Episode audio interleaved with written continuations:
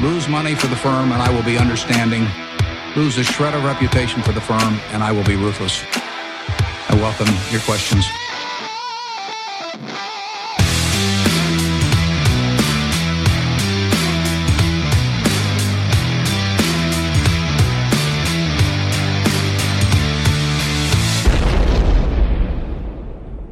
Hej och hjärtligt välkomna till Kvalitetsaktiepodden. Det är jag som är Ola. Det är jag som är Marcus. Ja, och det är jag som är Klas. Eh, det är avsnitt 153. Släpps natten till torsdag den 26 oktober. Spelas in redan på måndagen. Aj, aj, aj. Och Det- det- det dessutom här på kan- länk. Det här, det här det kan, med dagens, med, med nuvarande börs så kan det ju vara 10 procentenheter upp eller ner till, mellan, mellan inspel. Ja. det, Och ruskigt under alltså. tiden vi spelar in här också. Ja. Det tufft. Eh, vi, vi återkommer i nästa podd med en förklaring till det här. Mm. Det är alltså en så kallad cliffhanger här. Mm, kul. Kan bli precis som i Dallas och det visar sig att Ola bara behövde duscha. Det där, det Ni där som förstår- vet, ni vet. Ja, ja, okej. Mm. Ja, eh, det här är ett klassiskt rapportavsnitt så det ska väl gå snabbt. Eh, vi kör lite aktuellt och sen fem bolag som hunnit rapportera sina Q3. Och Så- inget mer med det eller? Nej, det, precis så. Nej. Jaha, sen senast då har jag äntligen fått utrymmet helt tätt. Trots eh, vertikalt regn i stormbyarna. Mm. Jag har våndats över orimligt stora rapportreaktioner. Jag har tittat löjligt mycket på slutspelet i VM i beachvolleyboll. Okej. Men, men det gick ju bra i alla fall. Det gick ju bra. Silver. Man, eh, mycket ville ju ha mer när man hade EM-guldet där så... Men eh, det var, det var okej. Silver i VM tycker jag ändå är bra. Ja, det var okej. Du, Mm, mm, Ja. mm, mm. Nej, det var bra. Det var jättebra. Man blev bortskämd. Eh, då hade de ju varit kvalade till OS också. Eh, det är ju en sinnessjuk sport det där. Att tvåa i VM räcker ju inte för att vara säker på att få spela OS när du kommer från Europa. Liksom. taskigt. Taskigt. Eh, jag har ju också försökt aktivt då, försökt att undvika den här fruktansvärda rapporteringen från Israel och Gaza. Eh, jag grejer inte att ta in det just nu.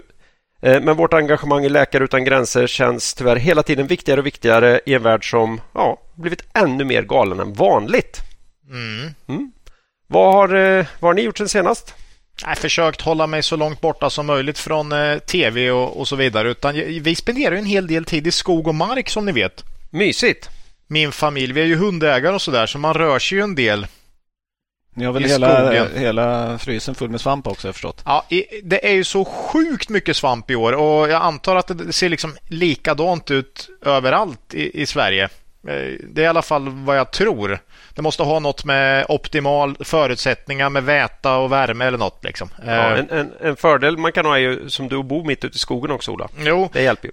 Men, men nu, nu har den här svampplockningen gått så långt så att min fru uppenbart skäms eh, när hon kommer hem eh, med en kasse, med en kasse blandsvamp. Då. Eh, och, och, och, och så när jag kommer upp och tittar lite förmanande, förmanande på henne så säger hon jag, kunde liksom inte låta bli. Du förstår den va? För, Ja. Tyvärr är det ju faktiskt jag som mest får ta hand om det Och här. Då rensa. rensa och, och förvälla eller torka. Eller, vi har ju också gjort eh, lite för många svampsoppor och, och kantarelltoast sista månaden. Nej, inte för det. mycket kan jag säga. Men, men, men om svamp skulle visa sig vara dåligt för några organ och sådär, då ligger vi jäkligt pyrt till alltså. Det, det kan jag säga. Eh, Ja. Ja, ja. Nej, nej, men som sagt, svamp är trevligt när det sker mycket skit i världen. Eh, man är ute i skogen och, och tänker på det, va? Ja. Mm, det är väl det jag har gjort. ja. Marcus då? Ja, men något annat som var trevligt. Vi hade ju en case-dag i förra veckan. Ja. Med ett antal Twitter-profiler och några aktie, andra aktiepoddar och sådär. Eh, Denna gången Stockholms edition. Ja. ja, det är alltid kul att prata aktier liksom. Eh, Sen är det intressant att se att det finns ju ganska många olika investeringsstilar kan man säga. Mm. Eh, Det finns ju en del andra som, som köper aktier som ligger lite längre ut på riskskalan än, än våra, våra vanliga så att säga. Ja, numera vill jag bara säga eventuellt ligger längre ut. Ja. Så att, men det är, kul, det är kul att det finns något där ute för alla. Och, menar, våra typer av bolag har gått bra senaste ett och ett halvt åren. I alla fall relativt börsen. Men, men 2020 och 2021 så, så fanns det ju många andra investeringsdelar som funkade mycket bättre. Så att säga. Kan, ju, kan ju gå väldigt bra över tid, men kanske lite mer upp och ner då. Mm. Vi försöker ju på något sätt vara bäst på riskjusterad avkastning då. Eh, och ja, eh, ett sånt här år så är det en fördel. Ja. Mm. Men vi blir sällan bäst i enskilda år. Nej, det är väl, väldigt sällan, eller nästan aldrig skulle jag säga. Mm. Men det var kul. Det var trevligt. Mm. Ja. ja, det var mycket trevligt. God mat på kvällen också. Och trevligt ja, härligt. Huvudstaden levererade. Mm. Eh, jag berättade ju nyss att jag våndades över rapportreaktionerna här i inledningen av den här rapportperioden, eller har gjort det kontinuerligt kan man säga. Och Då skulle jag undra här, några andra som nog våndas betydligt mindre och bara liksom mer nyfiket observerar, om än ibland med något lite höjda ögonbryn. Vet ni vilka det är? Ja, jag gissar att det är Cavalier. Mm. Peter och Håkan då? Mm. För vi har ju som vanligt med oss vår huvudsponsor Cavalier AB. Eh, det är faktiskt så här härligt att Cavalier firar 10-årsjubileum här under hösten. Ja, härligt. De håller i vet ni. Mm. Eh, de har alltså nu givit både små och stora kunder möjlighet att ta del av deras eh, långsiktiga värdefilosofi. Både i den diskretionära förvaltningen av lite större förmögenheter och numera då sedan ett antal år också via sina framgångsrika fonder Cavalier Quality Focus och Cavalier Investmentbolagsfond. Och det var ju så vi kom i, i kontakt eh, med Peter och Håkan naturligtvis. De här fonderna har ju båda presterat bra i sina jämförelseindex på Morningstar. Mm. Så grattis säger vi både till Peter och Håkan och till kunderna. Och jag tänker att nu tar väl de sats för ytterligare tio minst lika bra år till. Mm. Så är det va? Ja. Och Vill man veta mer om filosofin bakom Cavaliers förvaltning hittar man all information på, eh, man önskar på kavaljer.se. Där kan man även börja prenumerera på deras informativa månadsbrev. Köpa in fonderna det kan man göra både eh, hos Nordnet, Avanza och Saver. Och när vi pratar om fonder är det också viktigt att komma ihåg att historisk avkastning i fonder inte behöver vara en indikator på framtida avkastning och att ni kan förlora delar av ert satsade kapital då fonder både kan gå upp och ner i värde. Tack säger vi till vår huvudsponsor Cavalier AB. Mm -hmm. Vi har ett samarbete med Modular Finance mm. för att se hur vi kan ha nytta av deras fantastiska tjänst Holdings.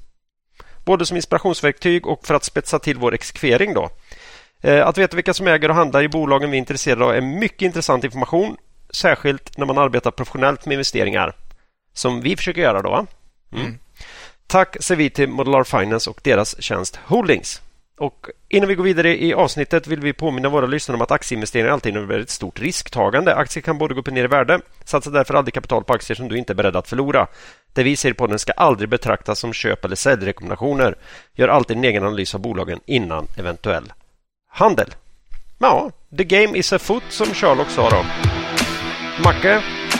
Ja, det, nytt? Det, det är väl risk för att det är ett inaktuellt avsnitt när folk hör det här sen. Men... Ja, det är lite tråkigt så att uh, du får ta, du var lite snabb. Så ja, det... kanske de inte hör vad du säger riktigt. Ja, men framförallt är det svårt med den här, vi brukar ju säga hur börsen har gått sen sist.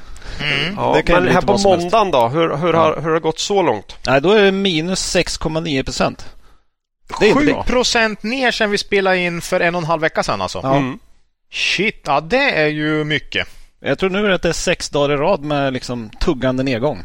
Mm. Kanske den här index... Har ju, vi har ju pratat om det mycket, att det har varit small och midcap som har tagit stryk framför allt. Mm. Men, men nu, nu är det ju även på indexnivå här då faktiskt. Ja, vi har ju väntat lite, lite på det kan vi säga. Ja, mm. absolut. Så man har ju känt det här gapet som har varit mellan storbolag och små och medelstora har ju smärtat en del kan man väl lugnt säga. Framför allt för investerare som framförallt investerar i small och midcap. ja. Hur är, var är det vi brukar vara? Ja, mm. ungefär där ja. Mm. Precis mitt i den skiten ja. Ja, ja så är det. Ja. Mm. Nej, men det, det, har varit ju större desto bättre och alla minsta har torskat väldigt, väldigt mycket. Mm. Men, ja. men, nu är det nästan lika negativt på börsen som vädret skulle jag säga. oh. Brukar, eh, vi brukar väl säga det att ofta är hösten kommer det en släng av nedgång så det är inte ovanligt att den kommer på hösten i alla fall. Nej, Nej. vi har ju pratat om det. September och oktober brukar ju vara dåliga månader. Så att, ja. Eh, mm. vi, vi, hoppas på att det blir bättre när, strax innan jultomten kommer sen. Ja. Eh, nu är det risk för att jinxa då, men vi har haft en bra start på rapportperioden ändå. Eh, får vi säga. aj, eh, aj, aj, aj. Ja, det där är... Det där. Ja. Det kommer få ätas upp i nästa podd sen. Ja. Mm. vi har ju tre bolag som vi ska prata om idag. AQ, Dedicare och Nota som vi har kommit med. I alla fall då, då reaktioner ja. Att, ja. Eh, mm. Mm. Men, men, jag tänkte passande till väder och börsklimat börja med eh, bolagsdelen med ett eh, segment som jag kallar läskigt i Danmark. är det här Coca-Cola? Nej, vad heter det? Du skulle Carl, också bara kunna... Nej, det är inte, sån, det är inte sån läskig.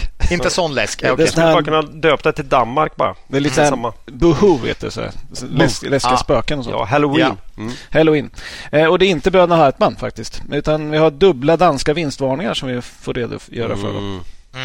Eh, då börjar vi med bröderna A.J. Johansson. Då. Mm. Kom en vinstvarning 12 oktober. Då sa bolaget att utvecklingen främst i september varit mycket svagare än förväntat. Mm. Pekar särskilt ut försäljning av värmepumpar och sanitetsprodukter som lägre än förväntningarna. Mm. Man sa att omsättningen i Q3 varit 1,23 miljarder danska. Det var minus 7 mot vad vi hade eh, trodde på. Eh, man sa att EBT, då, resultat före skatt, var 63 miljoner danska. Det är 24 procent ner mot vår gissning. Mm. Mm. Och sen så sänkte man prognosen för 23 ganska kraftigt. Eh, det kanske inte var fullständigt oväntat ändå, men eh, börsen tyckte det här var riktigt hemskt så aktien föll 11 procent. Mm. Och ja, nej, men vi, vi blev lite överraskade. Vi hade uppenbarligen förlitat oss lite för mycket kanske på ledningens prognos där. Ja, absolut. Det var ju solklart så. Där du sa att det var sämre än våra förväntningar. Våra förväntningar var ju som ledningens. det är ju väldigt svårt, men samtidigt när man... Den kändes lite som jag var inne i när jag pratade OJ senast. Om det här är lågkonjunktur så bring it on. Det var ju det jag var inne på. För det kändes orimligt bra på något sätt. Mm. Eh, och med tanke på Q2 och utfall så hade man ju aldrig lagt en sån prognos själv. Det hade jag i alla fall aldrig gjort. Det är bara att titta på Q2 och sen utan där har väl ledningen haft fel. Förmodligen så är ju september uselt här. Det, det, det är väl det, för de la väl den här prognosen i mitten på augusti någonting va? Mm. Så september måste ha varit fruktansvärt svagt då. Eh, tror jag. Och, och, de har ju varit bra på sina prognoser tidigare så det är svårt att inte tro på den ändå. Liksom, ja, mm. det är ju alltså det känns ju förmätet att, att säga att ledningen har fel. Det, det, det är ju svårt att, att ha den tro på sig själv. Men det finns faktiskt en en negativ sak med prognoser. Och det är om man litar på dem för hårt mm. faktiskt. Mm. mm. Och här, här trampar vi klaveret, helt klart. Ja, ja, den här fick vi ta i ansiktet. Eh, mm. Vi, vi, eh, vi var också lite förvånade över att det var ju så pass nyligen ändå som man gav prognosen. Så antingen så har det ju blivit väldigt mycket sämre snabbt. Eller ja. så har ju ledningen ganska dålig visibilitet på hur det ser ut. så att säga. Mm. Och båda alternativen är ganska problematiska. Ja, definitivt eh, är båda problematiska. Mm. Måste jag säga. Fan, vi kanske skulle gjort vår egen analys här innan eventuell handel. Så. Ja, det, vi tyckte ju, försökte med det i alla fall. Jo. Men, men eh, vi tog konsekvensen av att vi har så svårt att veta hur det ska gå. Så att vi sålde ju våra aktier mm. direkt ja. när det här kom ut på marknaden. Mm. Nej, det kändes inte bra. Jag är ganska övertygad om att det här blir en riktigt bra investering på tre års sikt. Men uh, i närtid mm. har uh, känns det som att det finns bättre case. Det är i alla fall vad vi tror. lite stukat förtroende också. Ja, men det, det, det, blir ju väldigt stora minus nu i resultatet ganska lång tid framöver tror vi. Mm. Eh, så, så. Och det är ju ett relativspel hela tiden där vi försöker ha dem som vi ändå tycker ser bäst ut. Och nu tycker mm. vi att det här blir nog så pass jobbigt under så pass lång tid att vi, ja, de får sitta på bänken lite stund så väljer vi något mm. annat så länge. Så ja. Dessutom alltid jobbigt när trenden är att september var usel. Ja. Mm. Eh, vad händer då i Q4 och sådär och, och vad är inprisat och Ja, det är svårt att, för en aktie att gå upp så länge vinsten rasar. Det brukar vi säga. Mm. Och, och, kan man missa så här pass mycket på den här prognosen så kanske det kan bli mycket sämre än vad de tror själva också. Mm. Men här handlar ju definitivt allt om tidsperspektiv. Eh, här tror jag definitivt att man har igen pengarna med råge på tre år. Tror mm. jag i alla fall. Sen är det, det, vi pratar om det, låg värdering kanske inte räcker i, i alla fall korta perspektivet. Nej, inte i korta perspektivet. Sen har ju vi några aktier relaterat till bygg så att eh, man vill inte ha för mycket där heller. Mm. Och sen är det mycket annat som kommer ner också. Väldigt. Ja. Att, um... mm. Sen måste jag få tillägga att historiskt har vi väl ändå vi har haft bra track record på vilka bolagsledningar vi har lyssnat på. Vi kommer ju inte sluta ta in vad de säger i sina prognoser. Nej. Eh, så det här var, det här var en smäll. Ja. Det var en smäll. Det här gjorde ont. Men samtidigt så är det så länge sedan det var riktig lågkonjunktur ja, också skulle jag säga. Så att det är, det är inte lätt att lägga en prognos heller. Nej. Och, och sen är det väl liksom med, med diversifiering. Vi hade väl 5% av portföljen i AJ. Mm. Så det är ja, nästan va? Ja, så det är lite skillnad om man har 25. Ja. Mm. ja. Så ja. Att, eh, ännu ett slag för diversifiering. Ja, Ja. Eh, vinstvarning nummer två då. Danska köksbolaget TCM. Ja, det är tufft för byggrelaterat i Danmark. Ja, verkligen. De var uppe i, vi hade uppe dem i avsnitt 145 då. Då stod aktien i 70 danska ungefär. Var ner 60 procent från kurstoppen. Eh, det var ju en kurstopp de själva var med och satte då. Tack vare ett Mm. galet misstajmat återköpsprogram. Eh, Ja. Lite likt Byggmax då som jag pratade om på slutet också. Eh, Man köpte 647 000 aktier för 100 miljoner danska. Snittkurs 154 danska. Ja, sen har man gått ner väldigt kraftigt. I juni i år så gjorde man en riktad emission på 1,2 miljoner aktier på 64,50. Det är alltså Mm. 58 procent lägre än återköpsnivån. Fick in 79 miljoner. Oj. Mm, nej. Så Det, man, det, det, mm. det är alltså det dubbla, dubbla antal aktier som man ger ut. Man får in mindre än vad man återköpte för. Mm. Det, det är inte Det- bra kapitalallokering. Ta priset nästan faktiskt. Ja. Tyvärr. Nu var det så att man behövde de här pengarna. Då. Man, man köpte i juni något som hette Aobo Production för 225 miljoner eh, danska inklusive earnouts. Då. Eh, det, det är lite intressant. Det är 0,77 i price to sales. Det är klart högre än vad 0,4 som man själv värderas till då, idag. Mm. Eh, Det här bolaget omsätter 292 miljoner danska så det är plus 27 procent på omsättningen. Mm, mycket. Det är ganska Mm. stort förvärv ändå. Som Mm. man slår till med så här i lågkonjunkturen. Då. Eh, Ja, visst.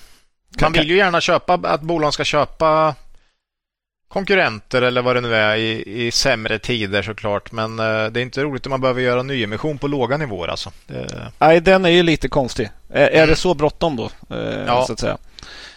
Sen den här, vid vinstvarningen då så sänkte man prognosen med 2% och det låter ju inte så farligt. Men, men de har ju fått in det här nya bolaget också. Mm. Mm. Värre var att man sänkte prognosen för rörelseresultatet till 45 miljoner danska. Det är 43% ner. Eh, ja. Och så sa man också att man ser sämre försäljning inom alla varumärken på alla marknader. Det låter ju inte så kul. Det låter Nej. lite lågkonjunktur på det där. Är, det lå- alltså är det lågkonjunktur nu för första gången? Det är det, är det va? Det Ja, är, vi, jag börjar känna vi så. vågar nog tro Ja. det nu. ja. Så Ja. att, eh, nej, det är inte så kul. Eh, vi tog upp dem eh, förra gången sa vi att vi valt att fortsätta stå utanför. Vi sålde våra sista aktier runt 140 kronor. Då, eh, danska. Ja. Eh, Förmodligen sålde vi dem till TCM också. ja, det var runt omkring när de höll på att återköpte i alla fall. Ja. Mm. Men- vi gjorde det då för att vi ville begränsa exponeringen mot bygg som vi har pratat om. Och sen också för att vi tyckte det var svårt att lägga prognoser för dem när, när det Ja. var osäkert. Eh, Precis. Men man De- kan i alla fall... deras, prognoser själva har väl inte gått jättebra sista åren här. Nej, man kan ju lugnt säga att de var inte heller så bra på att lägga. Så det var inte bara vi som hade svårt att lägga några prognoser. Nej, nej. Ledningen har också svårt. Då. Mm. Ehm, ja, nej, men sen, efter det här har aktiekursen rasat ytterligare 40 ner till. Då. 42 Mm. danska nu. Ja, Ehm, fullständigt eh, krasch, så att säga. här är ju...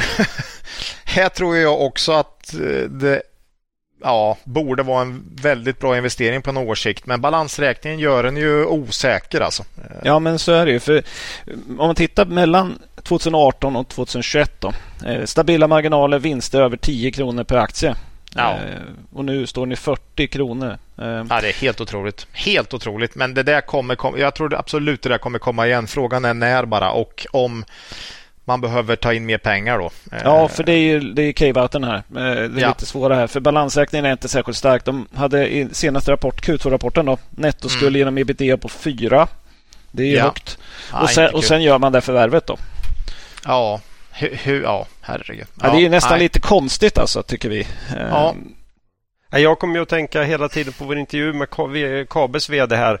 När alla liksom bara, varför sitter du med den här jättekassan? Jo, för jag vet vad som händer i en lågkonjunktur.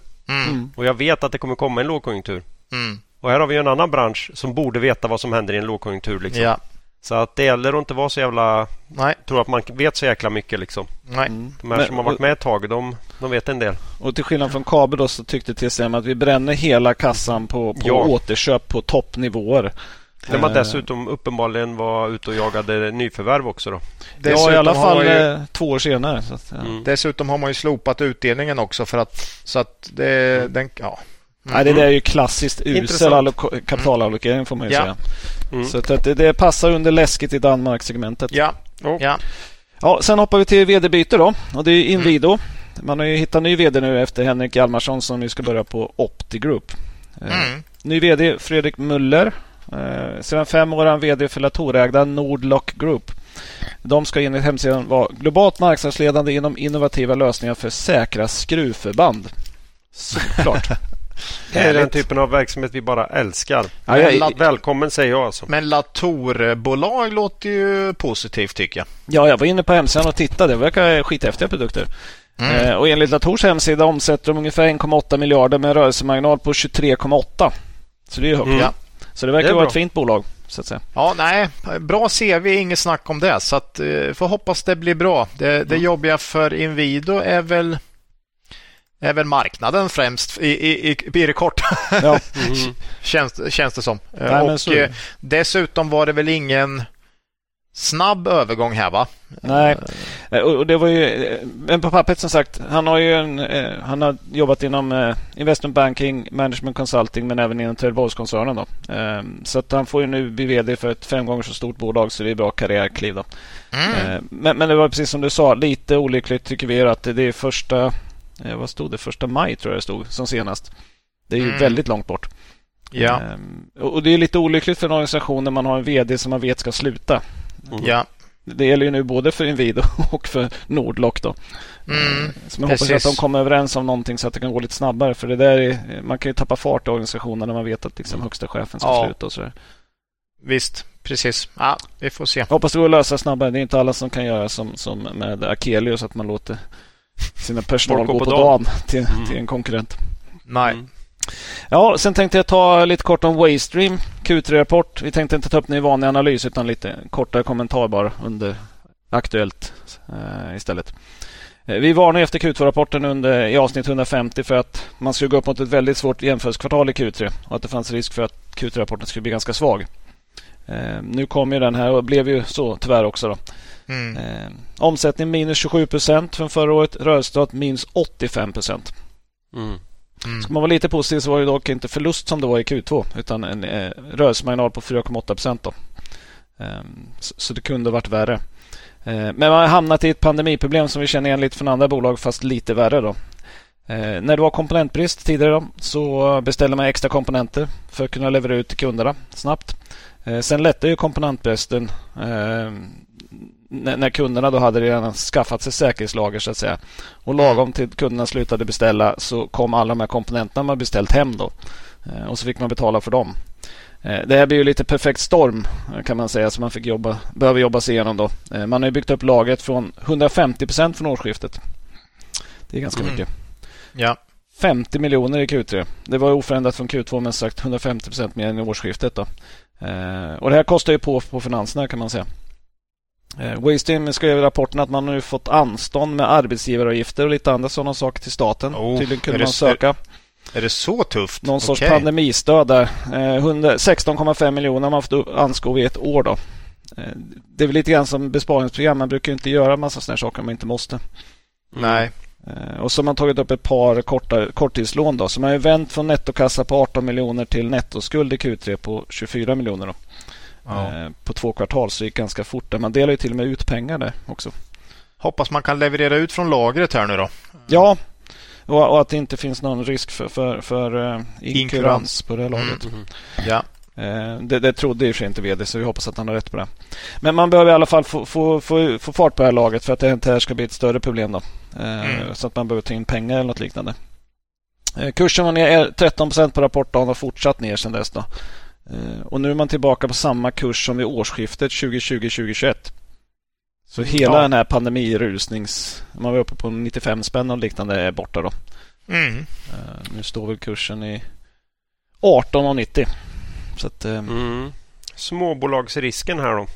Ja, det Ja, kan bli väldigt bra. Det kan till. bli väldigt, Mm. gå väldigt dåligt också. Um, Mm. Ja, var, det var extremt många som hoppade på det där tåget. Ja, Var det.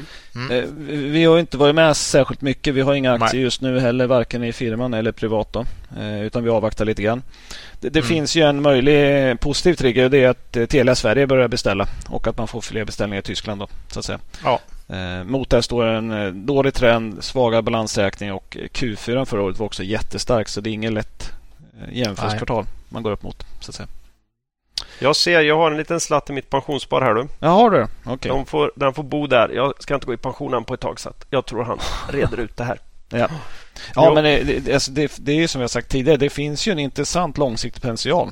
Ja, ja. Så, men det blev lite perfekt storm här också. eh, Med, med Mm. lager och sånt här också. Eh, ja.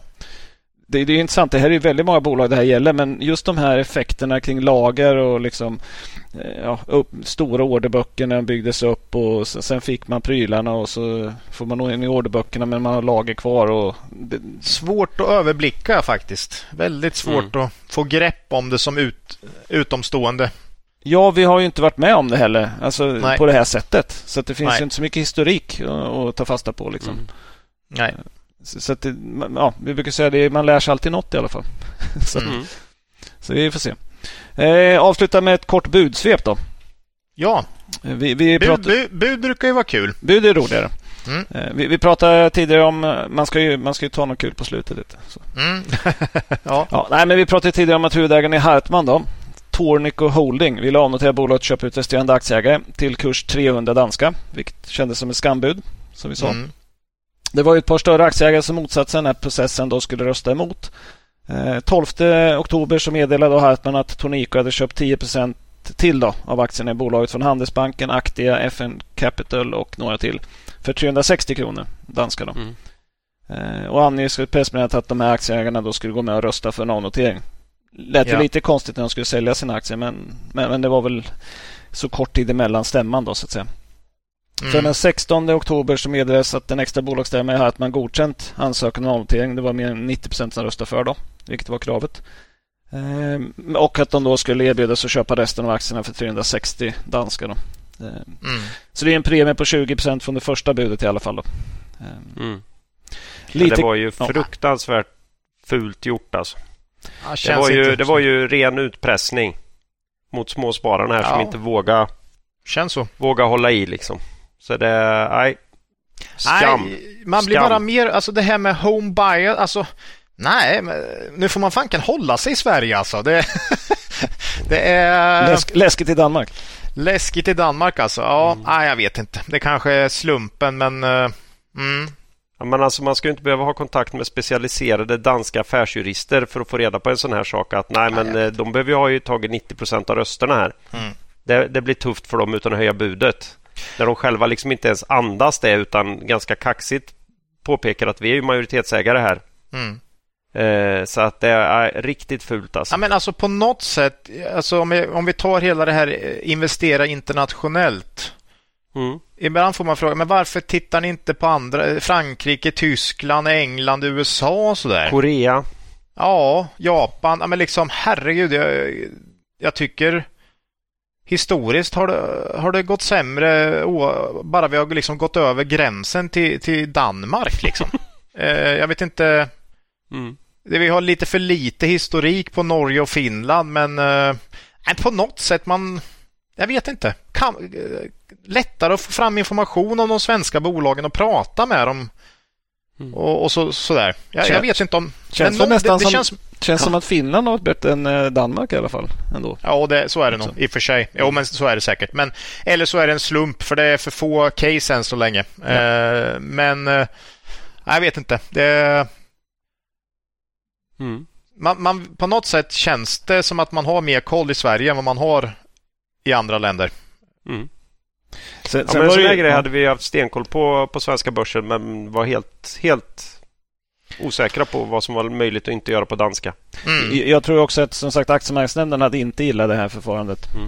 Eh, Nej.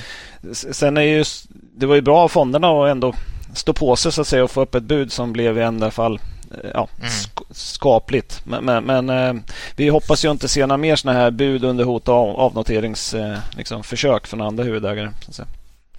Nej, nej det, var, det, var, det, var inte rikt, det var inte riktigt snyggt var det inte faktiskt. Nej, så Eh, var det. Ja, så var det. Eh, 11 oktober då meddelar Mellby Gård att man fick in 10,1 procent av aktierna i Duni via det här budriksbudet på 96,80 som avslutades 10 oktober. Vi har ju pratat om det tidigare. Det var inte, det var inte mö. Ja, men det var 10 procent ändå. Liksom. Ja, i och för sig. Mm. Men Så att, eh, ja. Och det var ju bland annat våra aktier då. ja, För vi lämnade in dem i buret. Vi såg det som ett smidigt sätt att frigöra kapital till andra investeringar. Då. Ja. Vi eh, ser som vi har sagt tidigare rätt bra margin of safety i Duni men eh, ja, det gör vi i en hel del andra bolag också. Det är lite relativspel mellan bolagen då, så att säga och nu såg vi chansen att sälja allting utan påverkan ganska snabbt. Man kan alltid köpa tillbaks. Ja, och Det det, gjorde, det gjorde vi sen också lite grann då. Det har vi gjort också ja. Mm. Nej, för sen sålde vi AOJ så då köpte vi tillbaka lite av aktierna i Duni. Det var ungefär vid budkurs då någon dag efteråt där. Så, att, eh, Mm. Eh, Så ja. ja, vi har köpt tillbaks en del av det vi, vi lämnade in. Eh, mm. Det är ju liksom som jag säger, nedsidan i Duni känns ju ganska begränsad men uppsidan är inte riktigt lika spännande som i en del andra case. Så kan man väl Mm, nej. sammanfatta lite Det är grann. bara Bleck, Blecker som tycker den är värd 180 spänn, eller vad var det? Han har en väldigt stor uppsida. mm. Mm. Så att, eh, Nej men, eh, ja, som sin sagt, servettkalkyl. Vi, vi, Den måste vi- dra vi- det skämtet varje gång och prata Vi-. Mm. vi tror på Duni och eh, äger en del aktier eh, faktiskt, men Mm. eh, inte riktigt lika mycket som vi gjorde innan då. nej, Nej. precis. Så då har vi varit transparenta med det. Mm. Det var allt i Aktuellt slash inaktuellt avsnittet för den här Mm. gången. Sen ska man också vara medveten om att det, vi brukar ju, det brukar hända mycket mer i, i våra innehav och vad vi äger när det är mycket stora rörelser på börsen, skulle jag säga. Det blir ju mer För- lägen då. För vad som kommer i spel är ju just det här med alternativ eh, Mm. och vad som ser riskjusterat bäst ut eh, enligt oss. Mm. Eh, Så ett normalt börsläge där börsen tuffar på med 0,3 procent per dag eh, Inga specifika bolagsnyheter. Då är det ju väldigt sällan vi, vi justerar sådär jättemycket. Ju. Men, men i sådana här tider så Ja, det är väldigt mycket som har kommit ner och det händer väldigt mycket i många bolag eh, vinstmässigt. Så eh, man kan nog förvänta sig mycket mer justeringar i våra innehav en sån här period än i normalbörs. För jag menar, går börsen ner 7 på en och en halv vecka så finns det ju massa underliggande aktier som går 15 liksom. Och så. Ja, och dessutom har ju mycket gått ner 50 procent också Mm. eh, på ett år. Eh, så mm, det är klart det gör mycket för de här alternativinvesteringarna då. Eh, och, och många funderar, men hur kan ni sälja? Det ser ju bra ut. Ja, men det är ju alltid så där man måste fundera vad, man- vad man tycker ser bäst ut. Eh, Mm. eh, Ja, Så så är det. I, I relation till risken också då naturligtvis. i relation till risk. Ja, det var det. Bra. Eh, vet ni vad? Nej, Idag har vi naturligtvis också med oss vår äldsta samarbetspartner Börsdata. såklart. Ja, tänkte väl det, att du inte hade Ja, glömt den ja. i början där. Nej. här har vi ju värdeinvesterarens bästa vän. Ja visst, vet du. George och Mm. hans kollegor på Börsdata jobbar ju oförtrutet vidare med att utveckla tjänsten och hela tiden göra den lite vassare och lite bättre. Ja, ett område där de lagt stort fokus senaste året och som nu är färdigt, eller färdigt, de blir ju aldrig färdiga, men nu är det riktigt, riktigt bra och implementerat på plattformen. Det är en, en superfin estimatfunktion. Eh, grunden eh, med möjligheten att lägga in egna estimat eh, kvartalsvis och årsbasis, den har ju funnits eh, länge, den är oförändrad men har byggts på med mer funktionalitet och möjlighet att få se eh, konsensus eh, för alla börsdataanvändare som lägger estimat. Och man kan ju naturligtvis se dem ihop med sina egna estimat då och även analytikerestimat för vissa bolag. Mm. Eh, Och eh, ja, För att snabbt få en överblick över hela den utökade estimatfunktionaliteten rekommenderar vi introduktionsfilmen som vi länkar till i avsnittsbeskrivningen. Eh, Vi tror mycket på den här typen av övningar i bolag man är intresserad av då det blir lättare att förhålla sig till historiken när man tar steget över till att gissa framtiden då eftersom man ser det här så himla tydligt tillsammans i Börsdatas fina lösning. Man kan liksom inte lura sig själv hur mycket som helst. Nej, Så eh, ta en titt på filmen och, kom, eh, och ni som inte kommit igång med estimat redan, gör det. Och är man inte medlem ens, vilket är ju, vore ju helt galet om man lyssnar på, lyssnar på den här podden, men om man inte är medlem på Börsdata så tycker vi att man ska bli det. Alla medlemsnivåer, priser och själva tjänsten hittar ni via borsdata.se. Tack säger vi till Börsdata. Då hoppar vi över till bolagen då. Och Mm. eh, om jag har någon koll här på eh, alfabetet så är det AQ Group här som vi ska öppna med en macka här och eh, efter den här senaste pangrapporten då så förtjänar det väl att upprepas vad AQ står för. Ja, berätta Nämligen- för oss. Aros Quality. Så som klippt och skuret för den här podden alltså. Senast med avsnitt 149. Ja, det är ju ett av de bolagen som varit med mest sedan den startade så att säga. Mm. Japp. Inte en slump så att säga. Eh, de var med senast i 149 då. Eh, det var efter en jättestark Q2-rapport. Eh, marknaden gillade rapporten och handlade upp aktien men sen föll den ganska kraftigt så att vi berättade att vi hade köpt tillbaka våra aktier i bolaget. Då. Vi mm. sa att AK imponerade med att marknaden uppenbart var orolig för sämre tider. Och då undrar man, syntes de här sämre tiderna i Q3-rapporten då? Nej, det kan man inte säga. Nej, det är svårt att, svårt att, säga. Ja. Mm. Nej, så omsättningen 26 procent upp, 17,2 procent organiskt. Eh, det var faktiskt spot on på vad vi hade gissat på. Eh, så det är lite kul. Bra. Eh, man anger att det var en stor efterfrågan från kunder inom elektrifiering, kommersiella fordon, försvarsindustri, tåg och fartyg. Mm. Sen lyfter inte, man, inte raketer då som på tårtan? Som nej, man, inte raketer nej, på tårtan. Som, som ger slut på X? Nej, okay. ja, jag, snygg tårta. Mycket Riktigt fint. snygg tårta. Mm. Jag såg att de är affärsföraren skrev det. Hoppas de var insynsreggade på bageriet då. ja, samtidigt. Vad står en raket? Jag vet inte. Jag vet inte. Det, du menar att den skulle vara en raket som kraschar? Att det var mm. lite ja, det sämre än väntat? Och så. Det beror på åt vilket mm. håll man håller tårtan. ja. ja, det är inte lätt det där vet du. Nej. Eh, ja, nej, men man, man, lyfter fram eh, segmentet induktiva komponenter i, i rapporten och på konfhålet. Där erbjuder mm. man både design och produktion, så, så lite bredare då än resten. Eh, där har man enligt VD James Argren är man topp fem då, globalt inom flera nischer eh, här på induktiva komponenter. Eh, området då omsatt eh, på rullande 12 1,7 miljarder. Ungefär 19 procent av omsättningen. Då. Mm. Det sa man, det var ingen siffra man tänkte ge sig i fortsättningen men man gav det den här gången då, så det är lite kul att veta. Eh, för det är ett område man tror ska vara drivande i tillväxten framåt. Eh, som mm. de ser väldigt positivt på. Eh, tittar vi på rörelseresultatet då så uppgick det i Q3 till 201 miljoner. Det är plus 69 procent. Eller 63 procent. Det är ju starkt som fasen. Mm. Ma marginal 9,4 procent. Mm. Det är högt. Det är högt. Det är till och med så att det är den bästa marginalen man haft i ett Q3 någonsin. Mm. Det låg klart över vad jag hade gissat på och det bästa marginalen man haft i ett enskilt kvartal sedan Q2 2016. Eh, Snyggt. Riktigt, riktigt starkt. Eh, ja. Man sa att huvudskälet till förbättringen var att de sämst presterade, presterande bolagen i gruppen hade förbättrat sin lönsamhet. Det har man pratat om att man hade som mål eh, att, att liksom få upp dem på bättre AQ-nivå så att säga och det verkar man ha lyckats med i kvartalet. Då.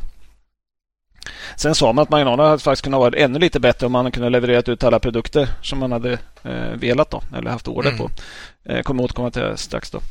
Ehm, en till positiv sak i rapporten var att man lyckades öka lageromsättningen eh, från 2,3 gånger eh, lagret rullade hela per år då, till 3,0 nu. Då. Eh, det här ger förbättrat kassaflöde från löpande verksamheten och det var hela 339 miljoner plus i kvartalet. Det här får ju också till effekten att man reducerar nettoskulden ordentligt. Nettoskuld mm. genom ebitda var i Q3 0,4 gånger inklusive leasing och 0,17 gånger ex-leasing. Oj, dags för förvärv snart då? Det är inte högt. Ja, men jag menar det. Det ger ju väldigt fina förutsättningar för förvärv. Mm. Eh, och till skillnad från en del andra bolag som vi kommer att prata om idag då, så rinner mycket ner till nedersta raden också. När, mm. när man har så låg skuld. Mm. Så att säga. Eh, för förvärv är ju en intressant grej för HQ.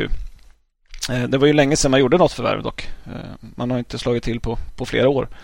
Eh, vilket är det senaste? Det är... Ja, det är väl Schaffner-delen. Eh, ja, det är det. Ja. Just det. Eh, och, och det Just det, Schaffner 2021 ja. Mm. Och det börjar... Trafot... har ju köpt fabriker ju. Trafotech 2019. Ja, men mm. fabrikerna har man, jag tror det är Greenfield på fabrikerna. Så att man ja. har, har byggt mm. upp dem och byggt ut fabrikerna så att säga. Ja, det är eh, dags. Det är dags. Ja, och, och nu sa VD James här att, eh, på konfkåret att de har flera intressanta affärer i pipeline. Man skulle bli besviken på dem om de inte har stängt några bra affärer inom Q2 2024. Oj, mm. ja, det, ja, det vore gött. Ja. Sticker ut hakan.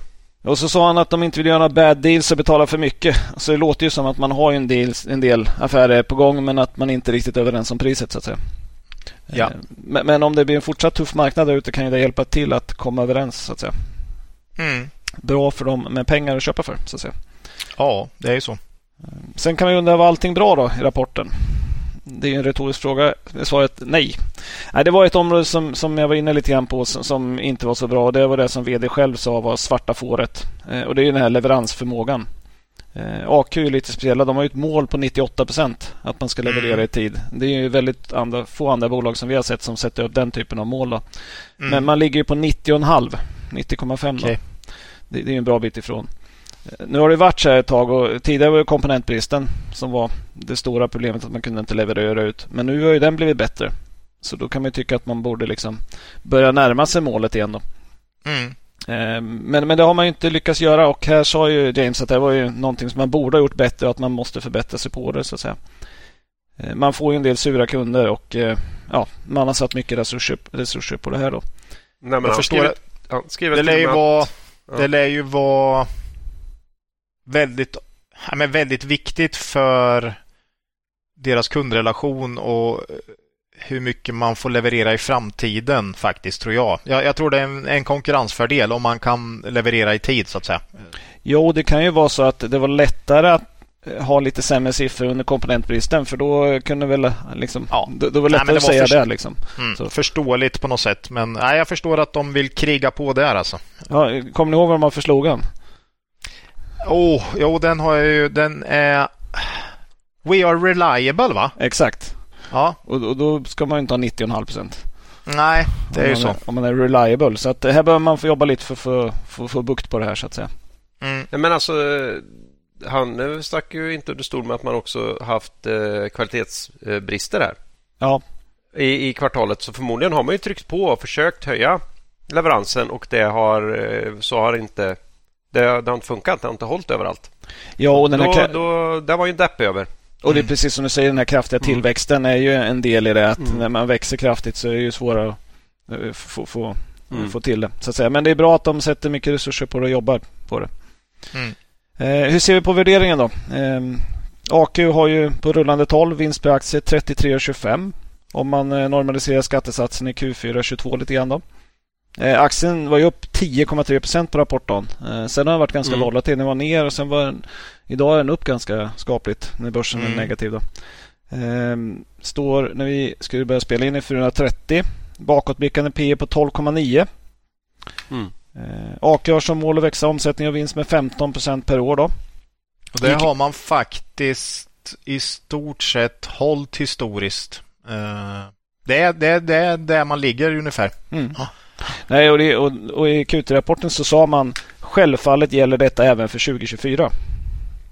Oj. Eh, Mm. Det går ju lite emot en massa andra bolag som pratar om utmanande marknad och man mest sitter och funderar på hur mycket kan de tappa nästa år. Typ AJ och en Mm. massa andra. Liksom. Hur illa Ja. blir lågkonjunkturen? Medan AQ talar om stark tillväxt 2024 baserat på pipeline och prognoser och tror på 15 omsätt- omsättningsökning. Liksom.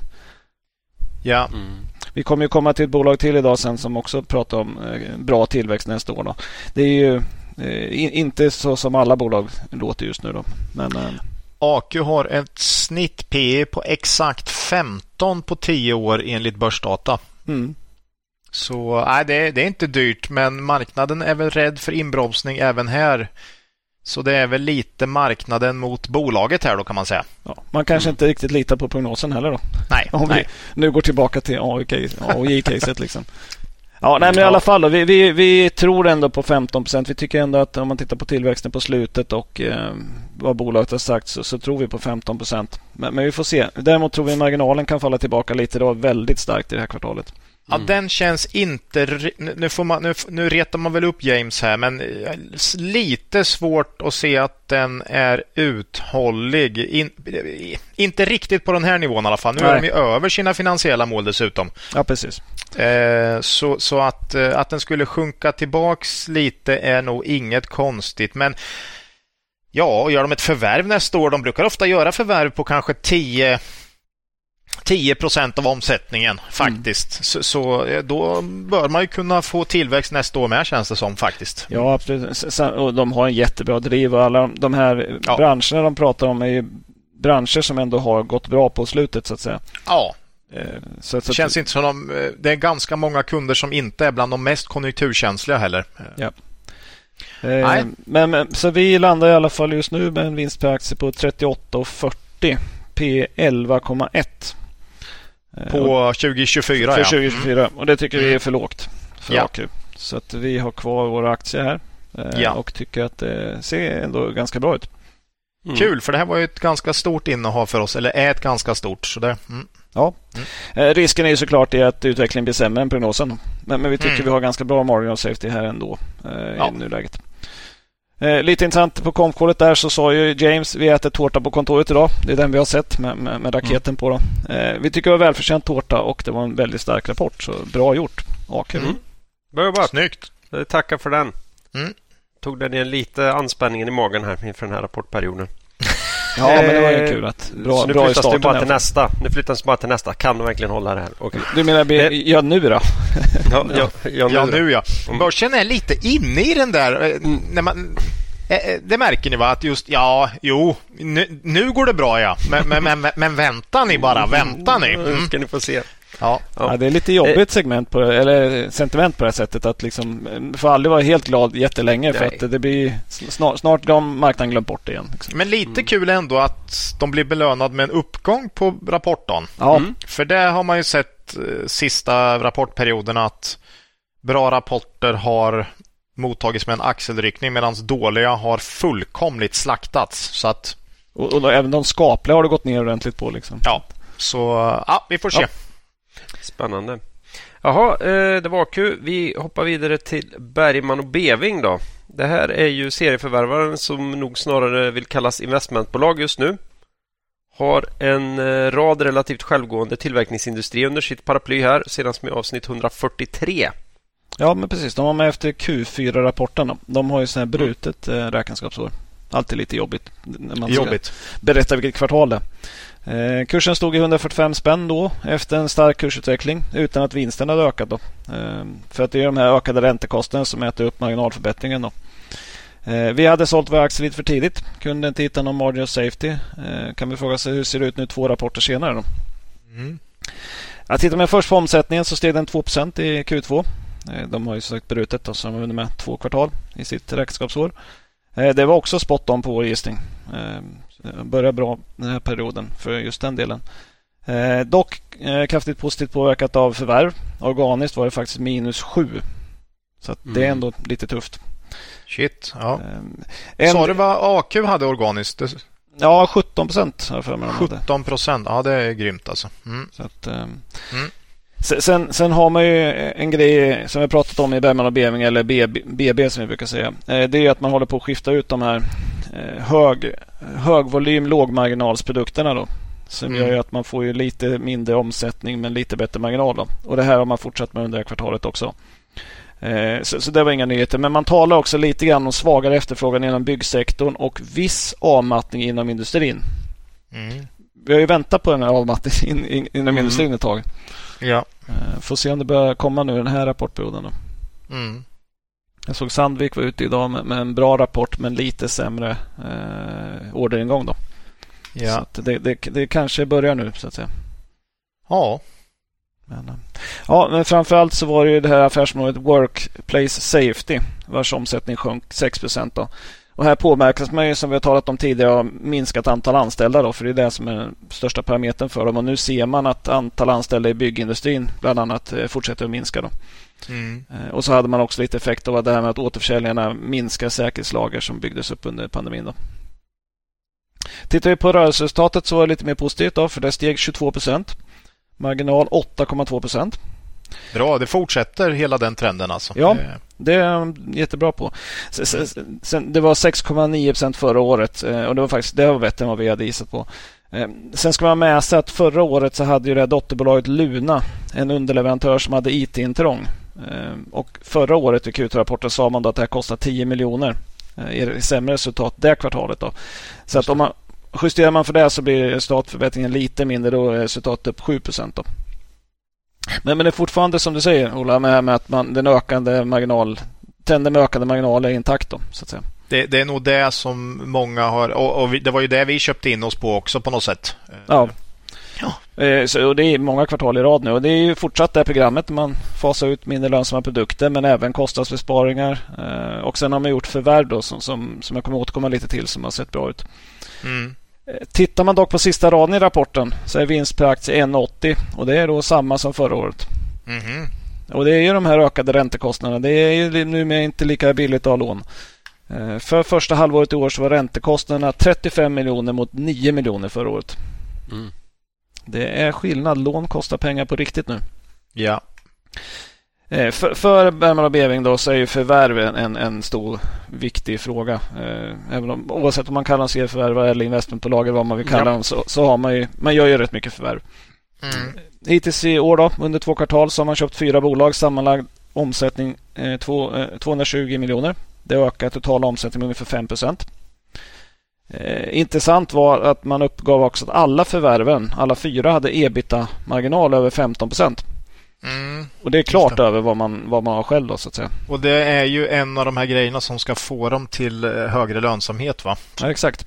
Mm. Så, så det är en, just den här, om man hittar den här typen av affärer så kan man ju höja hela koncernens eh, lönsamhet. Då, så att säga.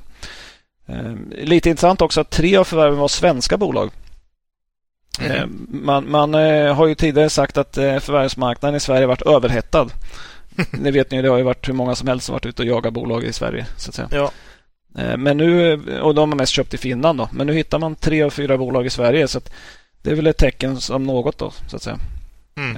Eh, och man pratar också på, på konfkålet om att det är färre köpare där ute och lägre prisförväntningar bland säljarna. Så det kan tänka sig att det kommer fler, fler förvärv. Då. Mm. Eh, sen, sen, sa man att det är mer en normalisering från en för hög nivå. Han tror inte att priserna kommer gå ner jättemycket för att de köper bolag med rätt eh, bra marginaler, rätt fina bolag och då brukar de inte falla så mycket även när det är sämre tider så att säga. Men, Nej. men de har en eh, bra pipeline och det låter ju lite lovande framåt. Då. Den andra delen om man ska föra bolag är ju dock att ha en stark balansräkning. Ja, det är viktigt. Annars blir det inte så mycket att köpa för. Nej. I rapporten då så säger man att det operativa nettoskulden är ungefär 1,1 miljarder. Nettoskuld genom ebitda på 1,8 gånger utan leasing. Med leasing 2,5 gånger. Mm. Mm. Inte så lågt ändå. Nej. Ehm, man köpte då bolag för 179 miljoner under första halvåret men ökade inte skulden. Eh, och Det beror på att man har ett väldigt starkt kassaflöde. Snyggt. Lite grann som AQ här, att man har, man har jobbat bra med kassaflödet. Eh, och man har tagit ner lite av de här säkerhetslagren som byggdes upp under pandemin. Eh, och så sa man att här finns det lite mer att göra för det är fortfarande inte pre-pandeminivåer på lagren. Då, så att säga. Ehm, sen har man likvida medel inklusive beviljade krediter på 917 miljoner. Då, så att det finns torrt krut att köpa för så att säga. Men som sagt, lånen kostar ju nu pengar också. Så att det syns ju på sista raden om man har förvärvat det med mm. lån så att säga. Ja. För då kommer man in på, på den delen och det är att Bergman och Beving på rullande 12 har vinst per aktie på 7,45. Aktiekurs 155 spänn. Eh, P 20,8. Nej men herregud. Är det så mycket nu? Ja. Vi tror ju att man under innevarande år ökar till ungefär 8 kronor. Eh, det här året kanske 9 kronor nästa år. Men 8 kronor är P 19,3. Det här är ju högre än den historiska värderingen. Det är inte många bolag som ligger på en högre värdering just nu än vad man haft historiskt så att säga. Poppis nu. Ja, den har varit jättestark under 2023. Kursen upp över 40 procent. Trots att det har då gått ner från toppen i juni på, på 180 kronor. Eh, och det här är ju tyvärr för oss då, för vi hittar ingen margin safety i värderingen i dagsläget. Nej.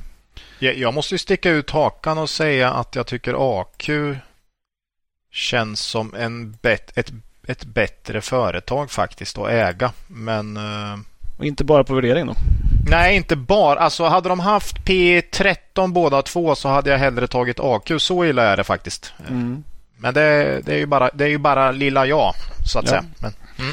Nej, senaste gången vi tog upp dem så hade jag en post i pensionssparet. Men, men kursen gick upp sen bara på multipelexpansion i en, liksom en allt svårare marknad. Så att jag sålde faktiskt av dem där och väljer att stå utanför ett tag. Då.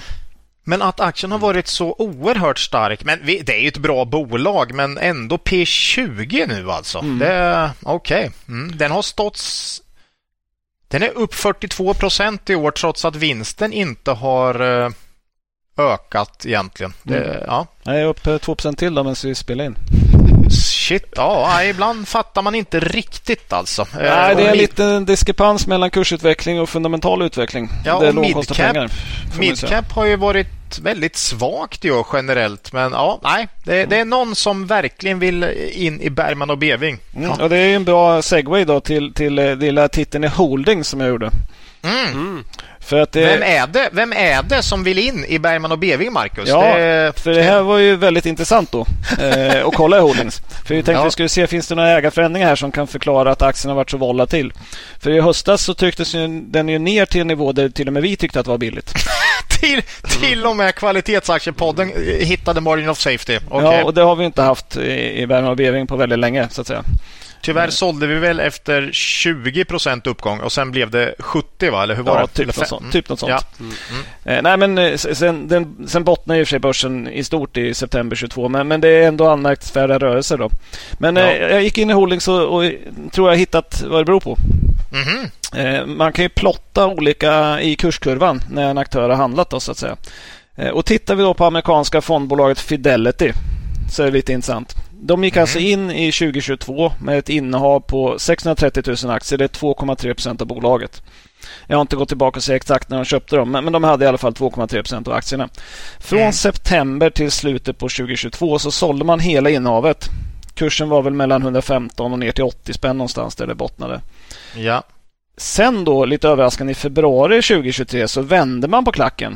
Och från Mhm. noll innehav har man nu köpt över 2,6 miljoner aktier. Det är 9,7 procent av bolaget. Okej. På mycket Eh, högre nivå då antar jag? Ja, mycket högre hela vägen upp liksom. De flaggar så sent som den 20 oktober. Det, det är ganska konstigt varför man säljer ut allt innehav och sen två månader senare vänder man och börjar köpa och köpa mycket mer än vad man sålde innan. Kanske var olika fonder eller olika... Kan jag ha bytt förvaltare i och för sig? Sånt vet man inte heller. Nej, jag har ingen aning. Men eh, visst, det låter ju konstigt. Det Ja, det. och, och, nu är man näst största ägare. Mm. Och Bergman och Beving är inte den mest likvida aktien. Nej. har vi ju sett. Och Ja. Vi tyckte under en stor del av uppgången att den trendade väldigt mycket. Det var liksom inga rekyler vilket tydde på att det var någon stor som låg och köpte så att säga. Mm. Ja. Eh, och då tror vi att vi har hittat Fidelity här då. Intressant. Ja, Så vi- holdings är bra. Ja, Mm. vi får väl hoppas för nuvarande aktieägare att de inte byter fot igen då. Mm. För de verkar inte så priskänsliga utan de kan Mm. säl- sälja och köpa ordentligt mycket. Men ska vi få chansen igen så får de nästan byta fot. Ja, det får Mm. de verkligen göra. Så att, eh, mm. ja, Mm. men det är bra med holdings. Ja, Ja. toppen. Var det där... eh, Det var Bergman Det och var, Beving. vi stannar där va? Vi stannar. Mm. Ja. Eh, vi går vidare. Nytt bolag. Nya möjligheter här då. Eller inte nytt det är för den här podden, det kan jag säga. Nej, inte, inte, inte Eh, jättenytt va, om det är det bolaget jag tror att det är. Äh, äh, det är Dedicare helt enkelt. Dedicare. Mm. Ja, det var ju med alldeles nyss här i avsnitt 149. Men vi sa vi att tog- vi ska hålla oss i Sverige, Claes. Ja, Eh, just det. Det är nu- de här som det- borde vara i Norge, ja. Nu är det ett norskt bolag. Nej, just det. De är, de är svenska. Just det. Just det. Mm, mm, mm. Eh, vi berättade ju då senast att rapporten för Q2 kom in sämre än vi trott. Eh, men att eh, rapportreaktionen trots det kändes kraftigt överdriven och vi konstaterar att eh, marknaden nu var livrädd för den politiska risken i Dedicare. Eh, trots att eh, till och med Danmark nu var i linje med Sverige intäktsmässigt. Och eh, ja, eh, vinstmässigt var det väl. Och att eh, det var i Sverige de här dåliga nyheterna om att regionen arbetar för minskad inhyrning, inhyrning i vården. Det duggade tätt med nyheter hela tiden där. Mm. Eh, tror att aktien var ner 18 procent på den rapporten. Trots Mm. ökad omsättning. Det var rätt mycket, kommer. Mm. Ja, och den fortsatte ju ner sen kraft, rejält. Ja, ja. Mm. Men redan, redan på rapportdagen alltså. Ja. Eh, och eh, då hade ju också marginalen kommit ner eh, främst i Norge då där man hade riktiga superkvartal rörelsemarginalsmässigt Q, i Q2 och Q3 förra året då. Mm. Eh, vi berättade att vi fortfarande ägde aktier i bolaget och det gjorde vi också nu i fredags då bolaget släppte sin rapport för Q3. Mm. Eh, Och eh, vi kan konstatera att Sverige i det här kvartalet eh, stod för knappt 20 procent av omsättningen. Norge för 65 procent. Danmark för 12 och nya marknader då med UK-satsningen i spetsen för 3 procent. Mm. Mm. Och, och de här procentsatserna då det är delar av en omsättning som ökade med 13,5 procent organiskt. Och totalt 17 procent med framförallt det förvärvet i UK. Mm. Och så en liten valutadiff där också då. Eh, förutom eh, den goda omsättningsökningen så var rörelsemarginalen nästan oförändrad från föregående kvartal. Jag tror att den var 7,2 och nu blev den 7% jämnt. Det här tyckte vi var väldigt positivt. Eh, rörelseresultatet är ju ner då nå- något mot monsterkvartalet förra året. Mm. Eh, men då var lönsamheten eh, strax under 12% i Norge. Det här trodde ingen, inte vi heller, var långsiktigt uthålligt. Och den kom nu in, eh, rörelsemarginalen i Norge kom in på 9% Och det tror vi kan vara en rimligare nivå eh, framåt då. Mm. Mm. Eh, som vi har talat om många gånger är utvecklingen i Norge det viktigaste för Dedicare och där har bolaget lyckats väldigt väl.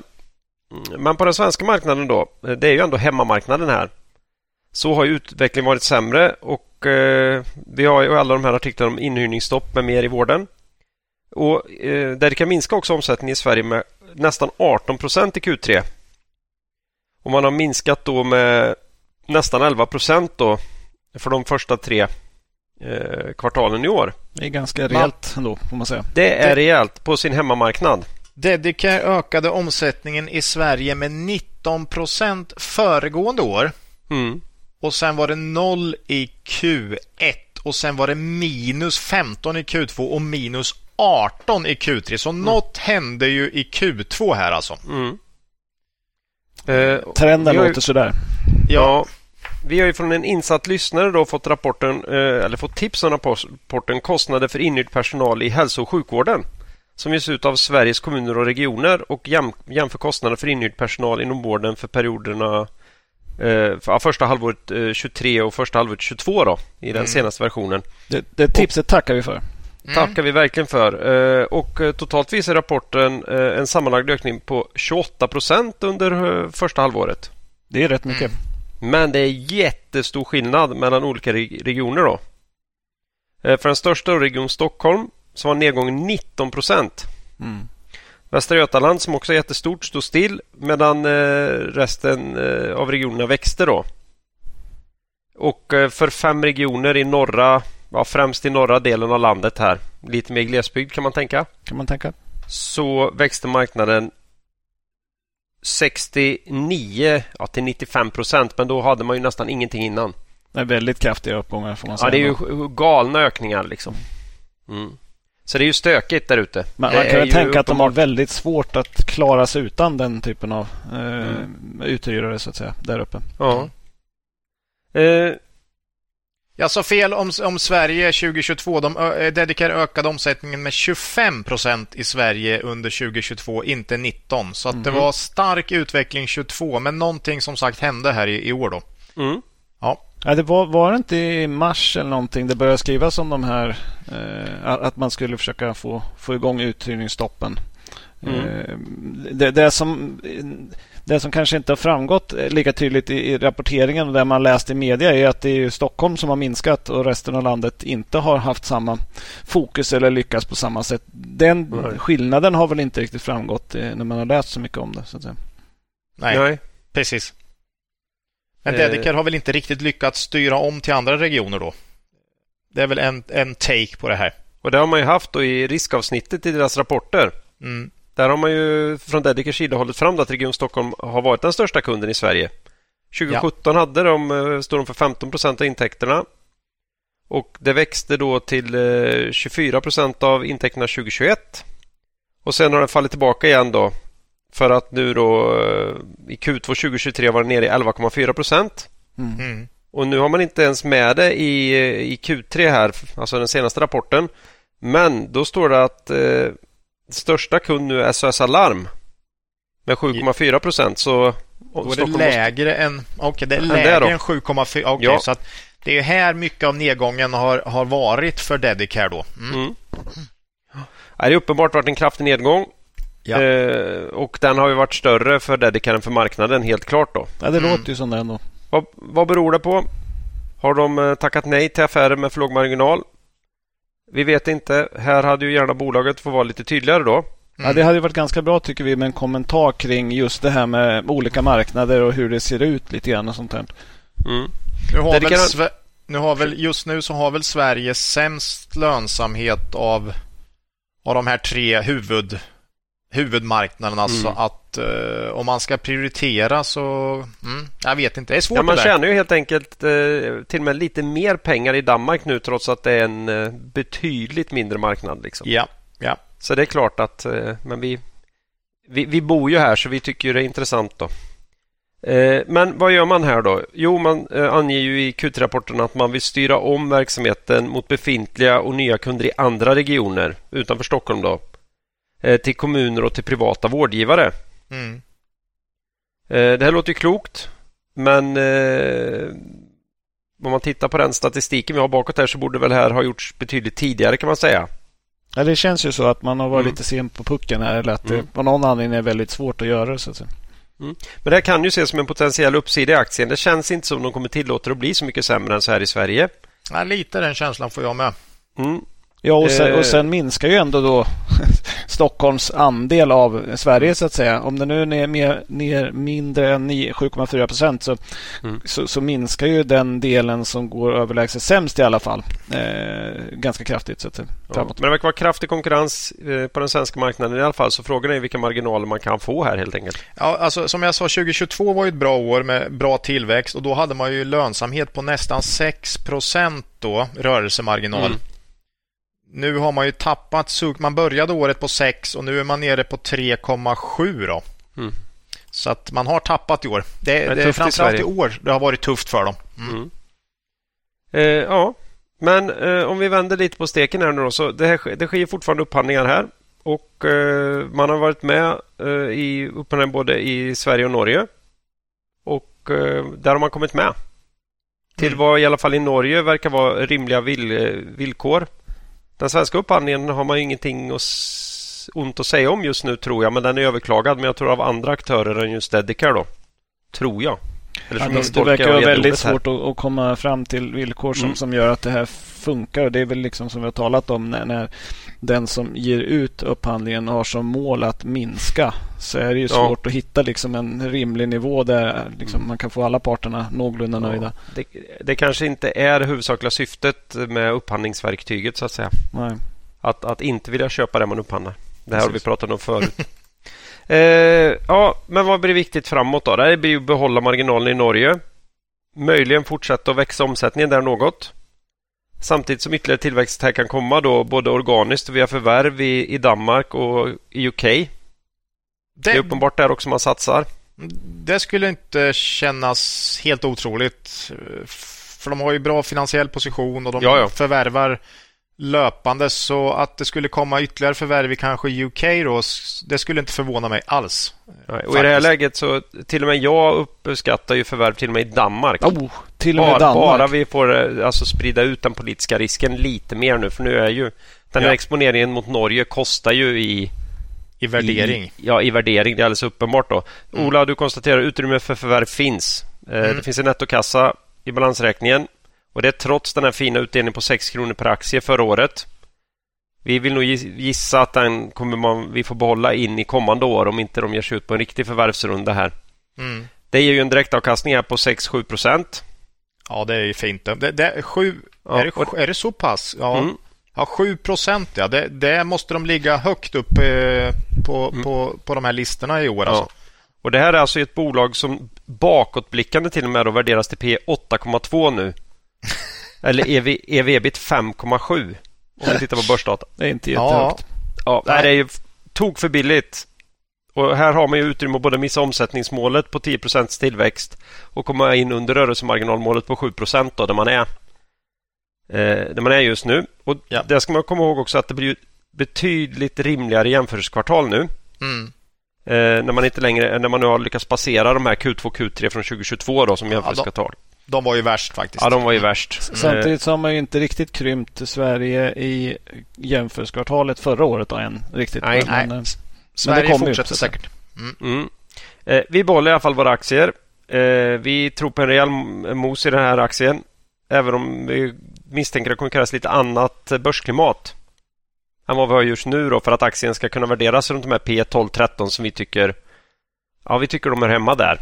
Mm. Eh, utifrån bolagets prestation. Trots den politiska risken. Det är också 12 i P de har haft historiskt Mm. i snitt. då. Mm. Och, Det och det här är ju så här typiskt. Om man kollar på Dedicare på börsdata så är det 14 procent i årlig tillväxt över 10 år vad gäller omsättning och vinsten 22 procent. Mm. Hade man inte vetat vad de höll på med för verksamhet så hade det kunnat varit P, P, ett riktigt högt P här. Liksom. Eh, Mm. Men då ser man att snitt P på börsdata är alltså 12. Mm. Så Det det är jag, jag tror de skulle gynnas oerhört av större diversifiering på olika marknader i Europa. Alltså värderingsmässigt då. Mm. Men det är väl ingen ett... snack om att det är den här politiska risken som drar ner värderingen. Jag menar, det, det, det, är ju ändå så att det finns ett en, en möjligt scenario där det kommer ett politiskt beslut som påverkar dem väldigt kraftigt ja, ja. Och, och, då ska man väl ha lite lägre värdering generellt sett. Så ett förvärv på 5-10 procent av omsättningen i UK här nu eller Danmark för ja, att Finland, sprida... kan vi inte köpa Finland istället?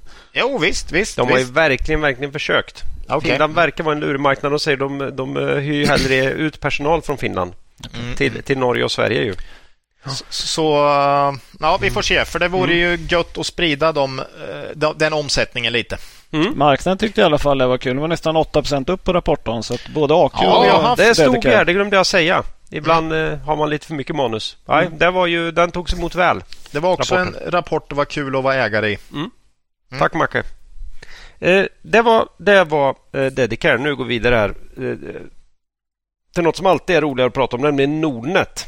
Mm. Det är nämligen dags för en hälsning från Nordnet. Då. De är inte bara vår sponsor utan också årets bank och vår favorit när det kommer till sparplattformar. Ja, det är ju spännande tider även här för den här veckan lanserar Nordnet ett helt nytt erbjudande för nya kunder. Courtageklassen Kom igång! Det, är bra namn. det här tycker ju jag, det här är ett otroligt bra namn. Ja. Det visar ju verkligen vad det handlar om. Mm. Om, om ni frågar mig va? Man, ja. Behöver inte ha mycket, mycket fantasi här för att fatta vad det är. Nej. Men, eh, men kom igång får nya kunder courtagefri handel på Stockholmsbörsen och alla fondavgifter tillbaka tills dess att man nått 50 000 kronor på Nordnets eh, plattform. Snyggt! Man får göra max 500 aktieaffärer per år. Annars har det här erbjudandet inga andra begränsningar. då. Mm. Det finns ju fler skäl att vi gillar Nordnet. Men om jag bara ska nämna tre. För det tycker jag ändå. Alla goda ting är tre, det vet ni va? Ja, Mm. Det är ingen som kommer ihåg om man säger mer än tre grejer ändå. Det, Nej, det är en undersökning på det där. Vet du. Mm. Mm. Det här först då, den är stabil och kraftfull plattform. Håller en ja. enormt hög nivå. I år har man haft en upptid på över 99,9 procent. Det är otroligt bra och viktigt för oss som handlar mycket. Mm. Vi tycker det är kul att det går att handla när vi vill handla helt enkelt. Och det går där på Nordnet. Utbudet av investeringsmöjligheter, det kan ju ingen som lyssnar på den ha missat längre. Eh, allt vi vill ha finns tillgängligt hos Nordnet och lite till. Och eh, Jag gillar ju hur, de, eh, hur det presenteras på plattformen och i appen. Det är inte svårt att hitta där man, där man söker. Eh, och För oss som investerar långsiktigt är det väldigt smidigt att ha aktier i en kapitalförsäkring hos Nordnet. Då får man eh, både utländsk eh, källskatt återbetald inom en månad och lite extra avkastning genom aktielåneprogrammet. Det är en extra tillfredsställelse när man ser att vi får betalt för att någon har lånat aktier i ett bolag som vi verkligen, verkligen tror på. Framåt va? Samtidigt får nog inte vi mest av alla sådär. Nej, det tror jag inte. Jag tror att om man ligger i de här där man får jätte, jättemycket betalt så ska man ändå ta sig en liten funderare på varför man får det. Mm. ja, men det är toppen i alla fall. Det är ändå bra. Eh, hur bra som helst. Eh, med det här nya erbjudandet finns det inte en enda vettig anledning till att inte prova Nordnet. Gå in på nordnet.se och skaffa ett konto. Handlar du gratis på Stockholmsbörsen slipper alla fondavgifter upp till 50 000 kronor. Det blir inte mm. enklare än så. Men man måste också komma ihåg att finansiella instrument kan både öka och minska värde. Det finns en risk att du inte får tillbaka de pengar du investerar. Tack säger vi till Nordnet. Mm. Då uh, ger vi oss bakåt lite igen i, i uh, alfabetet här till Elanders. Mm. Förpackningar och logistik med en aning, an, aningen ansträngd balansräkning. Reder Bennet ut där undrar jag. Uh, var med senaste avsnitt 135. ja, precis. Det var den första februari har jag skrivit här. Mm, det stämmer. Eh, då sa vi att vi var oroliga för skuldsättningen och att vi inte ägde några aktier. Mm. Eh, då sa vi och då stod också kursen i 170 kronor. Nu handlas den i 88. Mm, det är inte bra. Eh, 89 ser jag här när vi sitter och spelar in. Och det är så, ingen aning vad det är när ni hör det här. Nej, så halva börsvärdet utraderat på, ja vad blir det? Åtta månader. Mm. Eh, och nog är skuldsättningen en stor del i detta, det vi var rädda för då, skulle mm. jag säga. Eh, om vi kollar den nyligen släppta Q3 här så minskade omsättningen med 18 procent. Ja, det låter ju inte bra alltså. Eh, men man ska veta att det bara inom citationstecken var 11 procent organiskt. Då, då. Eh, men det här var faktiskt lägre än vi väntat oss. Då var det ändå ganska svårt jämförelsetal ska man komma ihåg. Så att visst, mm. men 18 procent ner är ju inte jättekul. Är det det här med skriver... att inflationen minskar som, som gör att man får försämra? Ja, man skriver framförallt att omsättningsminskningen var ett resultat av en svagare marknad och lägre fraktpriser. Okay. Ja, just det. De har varit på ja. vinnarsidan där. Mm. Mm. Så inte lika mycket på vinnarsidan nu då. Eh, en bra grej, mycket bra till och med ska man komma ihåg här, eller ska man säga, är att det justerade rörelseresultatet hölls uppe väldigt bra. Även det riktiga rörelseresultatet då. Mm. Eh, det redovisade rörelseresultatet höll uppe väldigt bra. Man skriver att man har gjort flera strategiska val där man har avvecklat omsättning med låg eller negativ marginal. Ja, det vill man inte ha, negativ marginal. Nej. Det låter jättedåligt.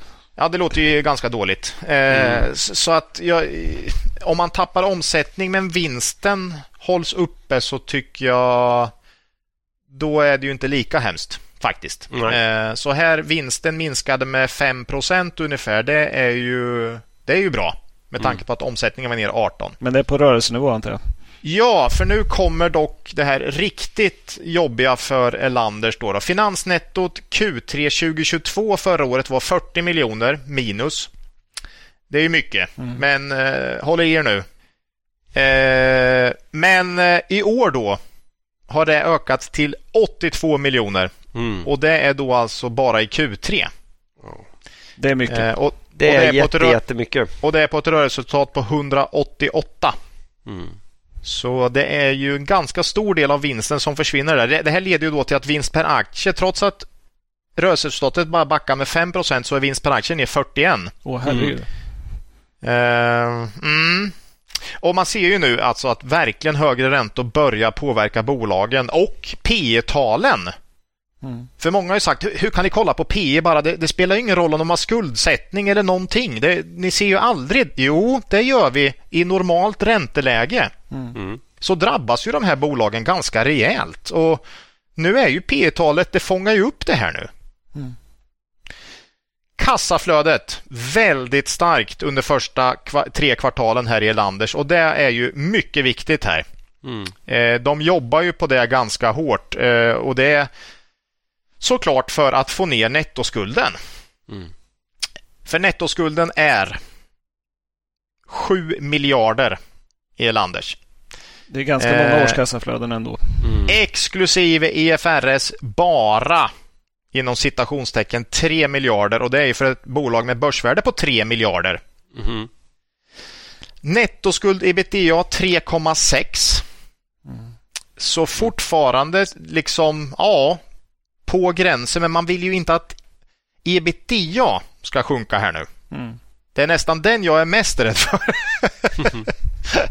Eh, koncernen har nämligen ett mål på att nettoskulden inom ebitda ska ligga under 2,5. Är det sådana här mm. konvenanter och sånt som kommer i spel då kanske? Mm. Från årsredovisningen. Det här tycker jag visar lite på hur fort det svänger på hur man ser på en skuldsättning i ett nytt finansiellt läge. 2,5 sa man ju är ju deras mål. Det får inte vara över 2,5. Mm. 3,5 var det vid årsskiftet och då skrev man ändå vi har en fortsatt mycket stabil finansiell ställning. Det låter lite konstigt. ja, när man, när man dessutom säger att över, under 2,5 är målet. Mm. Mm. Så är det ganska eh, konstigt. Och så skriver man även om stigande räntor sätter viss press på resultatet på sista raden. Så skriver man också i årsredovisning likviditeten är fortsatt mycket bra och vi har utrymme att fortsätta tillväxten både organiskt och genom förvärv. Det var ju lite överraskande. Mm, mm. Från Q3 nu då, tydligt annat ljud i skällan då. Okay. Det högre ränteläget och nuvarande nettoskuld innebär höga ränt räntekostnader och tynger resultatet på sista raden. För att dämpa de negativa effekterna av dessa fortsätter vi att arbeta aktivt med att förbättra kassaflödet och reducera rörelsekapitalet. Så att mm. hela den här, man har ju väldigt tydligt ändrat på tre kvartal sitt eh, fokus här. Mm. Och jag antar att det har med de stigande räntekostnaderna att göra här. Eh, viktig grej här då. Eh, 3,5 hade man i nettoskuld i ebitda vid årsredovisningen när den släpptes, ungefär som nu då. Då sa man att samtliga villkor var uppfyllda med god marginal. De här kovenantvillkoren eller? Ja, ja. Mm. Så, så, att de måste vara betydligt högre än 3,5. Mm. Mm. Eh, så jag hoppas de är skrivna på lång tid, de där mm. eh, avtalen. Fyra och en halv kanske då? Det är svårt att veta. Fyra och en halv eller fem kan man ha fått så fina. Mm. Dessutom kan de ju vara skriva på eh, alltså justerat för IFRS också. Det där var ju vi inne på, kommer ni ihåg det? Mm. Mm. Eh, om bankerna eh, kör på det och det kan de nog göra här. Eh, och då ser det ju lite bättre ut för Elanders ändå. Då. Jo, men så är de här bankerna vill ju ha tillbaka sina pengar och IFRS-skulden är ändå en långsiktigt som inte ska betalas nu så att säga. Precis, så jag tror det. Och då, då är väl eh, nettoskulden inom ebitda nere på 3 för Elanders. Mm. Eh, nej, men det blir mycket viktigt att hålla uppe ebitda här då och generera ett fortsatt starkt kassaflöde. Men det har man verkligen lyckats med så här långt i år. Så jag hoppas att de fortsätter lyckas på det. Sen är det ju det här att man har, som du var inne på Claes, man har ju fördelen av att man har Carl Bennet som huvudägare här. Mm. Skulle det verkligen blåsa så skulle ju han kunna stötta upp med mer kapital. Mm. Så det är ju inte vind för våg här. Mm. Va, vad ska man tro om här då, eh, närmsta året för Elanders? Det här är ju så svårt. Eh, man säger inte mycket om framtiden i Q3 heller. Man säger, det enda jag hittar egentligen är under det största affärsområdet. Där skriver man marknadsutsikterna framåt är fortsatt osäkra. Sen skriver man också i tredje kvartalet kunde en svagare efterfrågan ses inom alla större kundsegment och marknader. Det låter inte alla... heller så bra. Nej, det var inte heller... Det är som danska kökstillverkare det här alltså. Ja, nej, så det känns inte heller jättepositivt måste jag säga. Eh, alltså jag... Ja, det är svårt. Jag tror på fortsatt svag omsättning kommande kvartal, men hoppas och tror att de kan hålla uppe lönsamheten och förhoppningsvis kassaflödet också. Jag satte 11 kronor i vinst per aktie 2024. Det var lägre än både Nordea, ABG och eh, Penser. Mm. Men jag är väl eh, mer oroligt lagd då, kanske. Nej, oerhört svårt att göra prognoser i dagsläget tycker jag. Eh, inte bara i Landers. På kurs 89, P 8. Mm. Och det är ju långt under tioårssnittet på P 15. Mm. Nu tycker inte jag P 15 riktigt är motiverat för Elanders med tanke på skuldsätt. Ja, nu, nu är ju för sig P1 kommer ju justeras för skulden här då, men, men Mm, jag tycker det känns lite högt med P15 eh, om jag ska vara ärlig. Men de har bra historik. Eh, nej, men det är, ju, det är ju riktigt billigt, men jag förstår att marknaden är lite orolig för det här nu. Mm. Direktavkastningen hela 4,6 nu efter nedgången, men jag tror faktiskt att man sänker utdelningen till vår. Det får man nästan hoppas ju. ja, nästan. Men det är väl nästan Dessutom... som man skulle skippa utdelningen när det ser ut så här. Ja. Jag, det tror jag inte man gör, mm. men, men jag tror man sänker. Och Dessutom skulle jag dela upp den på två tillfällen om jag vore Landers för att sprida ut det här kassaflödet lite. Mm. Mm. Uh, det kan ju vara så en del bolag vill ju inte slopa helt för det ser inget bra ut. Uh, nej. Utan då vill de kanske dela upp eller minska bara ja. istället. Jag tror man sänker och så delar man upp det på två. Mm. Eh, nej, men jag, jag, tror mycket på Elanders. Tror det är ett bra långsiktigt köp. Vi har med i Buy and Hold. Har väl inte varit den bästa aktien där om vi säger så, så här långt. Men eh, jag tror det här blir bra på sikt. Men mm, nej, jobbigt. Vi, vi, har ju sagt det också att vi inte riktigt vågar ta de bolagen som har sämst balansräkning i dagsläget. Mm. Eh, och Det här var ju inget problem för fem år sedan, men nu är det faktiskt det. Mm. Det var inget problem för ett och ett halvt år sedan heller. Nej. Det, var, det. Det är mm. snarare ännu, ännu mer tydligt när man säger det så. Mm. Eh, vi tror på Elanders fortsatt, men vi äger inga aktier och eh, ja, vi får väl fortsätta följa det och se hur det, hur det går för dem. Mm. Tack Ola. Ja, så är det. Balansräkningen. Ja, det där var viktigt mm. att lyfta det där. Hur ja. jädra varför vi har hållit på och tjatat om det med balansräkningen. Mm. Och Det är precis det vi har sagt också att i en positiv marknad så är det ingen som bryr sig. Men, i en negativ marknad så kan marknaden bli hur rädd som helst så att säga. Mm. Ja. Också bara intressant att se hur fort Elanders också själva ändrar sin kommunikation. Mm. Eh, med tydligt mer restriktiv hållning och försiktig hållning till det här mm. än vad mm. man sa bara för ett år sedan. Mm. mm. Ja, det går fort där ute. Jag, jag tror många, skulle de slänga till med ett stort förvärv nu, jag tror många skulle se det som jättenegativt på börsen just nu. Ja, det tror jag mm. också. Eh, mm. ja, vi hajade ju till lite grann med TCM där vi tyckte kanske inte att det var Nej. kanske rätt läge för dem. Eh, så att...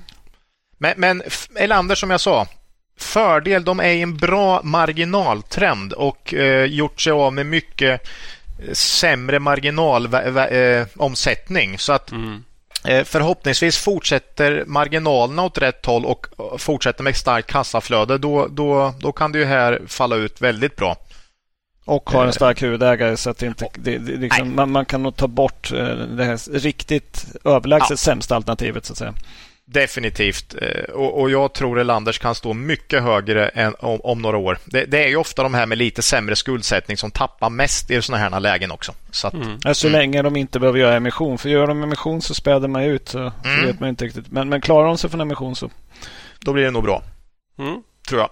Det var Elanders. Det var det. Eh, vi hoppar över till lite bättre balansräkningar här. Det har blivit dags att prata Note. Eh, vi sa det förresten bara att vi har, vi har inga innehav i Elanders någonstans. Äger inget i Elanders. Inget. Det, det, gjorde, det ägde vi inte när vi pratade om det senast heller. Nej. Eh, Note har ju varit eh, senaste årets kelgris här bland kontrakt, kontraktstillverkarna. Men eh, nu ser marknaden orosmoln på himlen här. Mm. Vad, tror, vad tror vi? Har de rätt? Inte senast... se, Claes, jag får, jag får, bara inte sena, det, det, det, senaste tre åren får du nog nästan... Ja. Du vet, tiden går så fort här nu så mm. att, uh, ja. Mm. Uh, ja, men de mådde ju väldigt bra för ett halvår sedan här. Ja, men aktien är ner på 12 månader så att... Mm. Det är hårt. Det, det går fort i, i, i, hockey, eller vad är det man brukar säga? Och på börsen. Mm. Mm. Ja. Men hur som helst var det avsnitt 135 här. Ja, och det var efter Q4-rapporten då. Eh, då sa vi att aktien har gått starkt. Den stod i 227 kronor. Eh, vi sa att vi ser ingen margin of safety på den kursnivån. Eh, vi sa att aktien på sikt kan vara intressant men på kortare sikt så hoppas vi på en rekyl för att hitta rimlig margin of safety och kanske komma in i aktien. Och som Ola var inne på så har ju aktien rekylerat ner ganska ordentligt. Så är det intressant nu då? Frågetecken. Mm. Ja. Mm. ja. men om vi börjar med Q3-rapporten då. Eh, kom in lite svagare än vad vi trodde eh, omsättningen var eh, 1034 miljoner, vilket var 11 procent upp från förra året, men 2 procent sämre än vad vi hade gissat på. Det var också bara 3 procent organisk uppgång, vilket är en nedgång ehm, från 7 procent i kvartalet innan. Här, här, talar man om ett utmanande kvartal. Det som man framförallt lyfte fram var sån här destocking hos kunderna det är ju då att eh, kunderna tar ner sina säkerhetslager. Då. Eh, och det är så notat, det kan man se för att man kan följa kundernas försäljning och den ut till, till, eh, till marknaden är högre än vad försäljningen är från not. Då kan man se att kunderna håller på med så kallad destocking. Det här ska enligt vd bli lite mindre av i Q4 men inte helt avklarat. Då. Så att, men lite mindre påverkan men inte klart. Orderstock minus 5% Det är ju också en effekt av den här komponent krisen som jag talat om att när den har slutat så beställer kunderna inte lika långt i förväg. Eh, så att mm. Eh, man får ett mer normaliserat eh, orderläggningsmönster. Då. Ehm, det är ju väldigt många bolag som har talat om det här. Som vi pratade med, med så är det fler bolag som lyfter fram det nu när det går sämre än vad det var kanske när det gick bra 2021. Då. Mm. kan man ju vara lite, tycka vad man vill om. Eh, men man sa i alla fall att orderingången kommer fortsätta ner i Q4 också men att man inte betyder att man förväntar sig en lägre försäljning.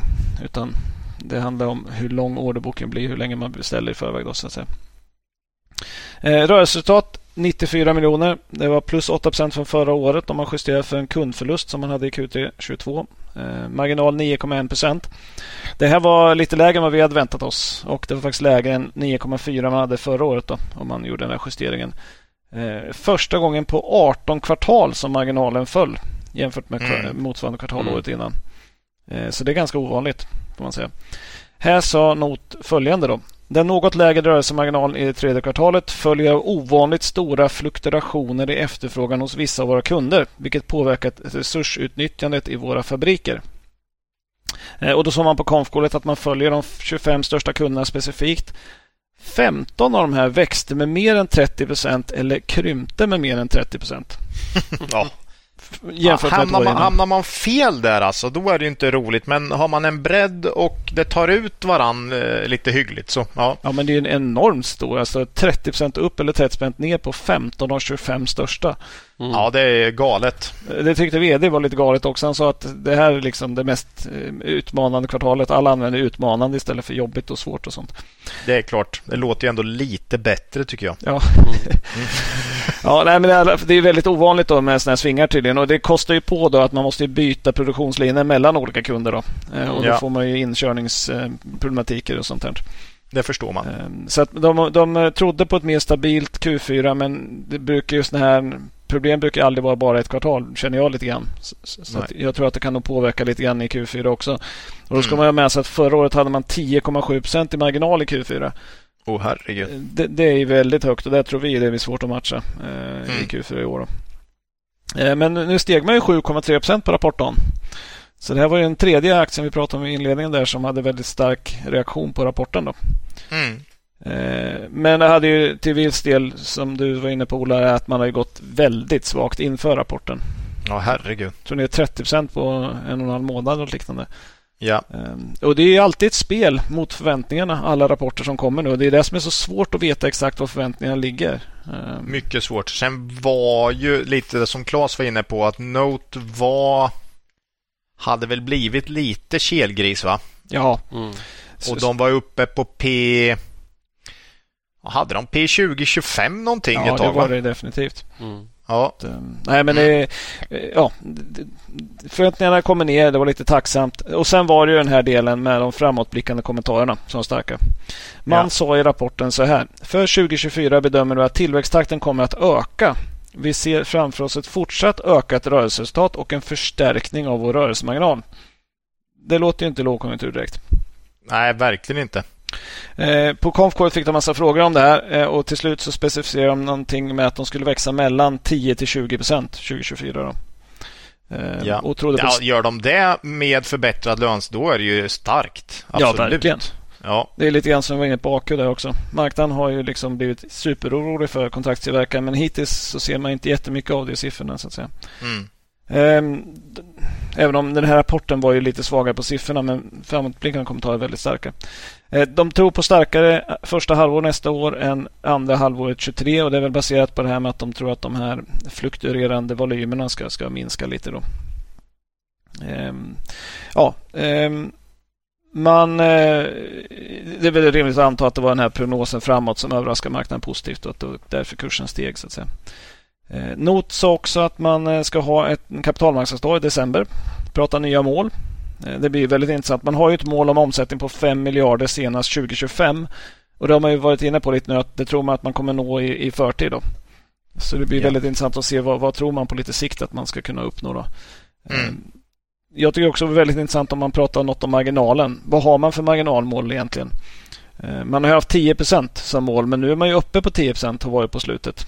Ja. Är det här liksom, går det skala eller är det max? Liksom? Mm.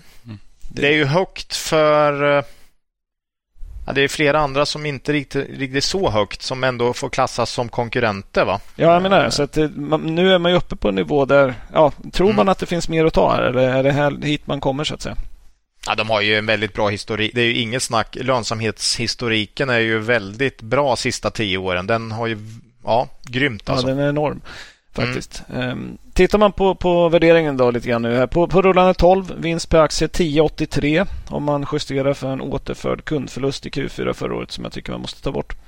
Mm. Eh, dagskurs 145 ungefär, 11, eller 13,3 i P det är, ja, det är skillnad mot P25 i alla fall. Det... Jo, och det här är ju intressant då, för man har ju ett snitt då på, på 14,8 över 10 år.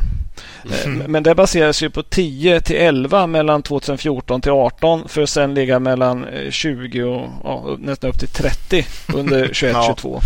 ja. Så, så, snittet blir något helt annat än liksom delkomponenterna. Ja. Och vad är rätt då? Vad är rätt? Någonstans mitt emellan. Vågar man säga en sån grej ytterligare en gång? Uh... Mm. Att, att det, det kanske är någonstans mittemellan. För jag tycker ändå Note är ett bättre bolag än vad man var för 10-15 år sedan. Definitivt. Och eh, jag tror att de har en mer uthållig verksamhet än vad man hade för 15 år sedan. Mm. Definitivt. Eh, men kanske inte det är svårt att motivera P2530. Alltså det, Nej, det, det går ju inte. Svårt. Tittar man på historiken här så har man växt omsättningen de senaste tio åren i snitt med 16,5 procent. Ja. Men vinsten ökar 88,5 procent i snitt. Ja, det måste vara mot ett jäkligt dåligt jämförelse. Man börjar nog ganska lågt, men, men sen har man ju skalat marginalerna ordentligt här de senaste mm, tio mm. åren. Ja. Eh, så det ju... Eh, ja, precis. Sju år upp 33 procent, sista fem åren 39. Ja, det, det, är ett bolag i grym trend. Det är väl lite den här, hur mycket är marknad här? Mm. Eh, och hur mycket har de här gynnats av pandemieffekter och sånt. Men, men vi, vi är ju inne på att det finns en underliggande drivkraft här som gynnar de här eh, faktiskt. Mm. Eh, det har vi sagt ett tag nu. Eh, och, och sen är ju en stor fråga här med hur mycket mer finns det eventuellt att hämta i marginalresan? Eller är, den liksom, är det 10% som man har uppnått? Det är där man som bäst kommer ligga och då blir det bara omsättningsökningar som kan leda till vinstökningar. Så att säga. Ja, eh, fördelen nu är ju då att du har ett P på 13 mm. istället för 25. Mm. Eh, vilket då innebär att du inte måste öka vinsten så hiskeligt för att eh, räkna hem caset. Nej, men precis. Vi, Affärsvärlden hade en analys här efter Q3-rapporten. Där trodde man på en omsättningstillväxt på 10% 2024, det vill säga lägre delen av, av målet här. Eh, mm. Marginal 10,1 ger då vinst per aktie 12,20. Mm. Ger P 11,8. Mm. Eh, Börsveckan hade med en not i veckans nummer.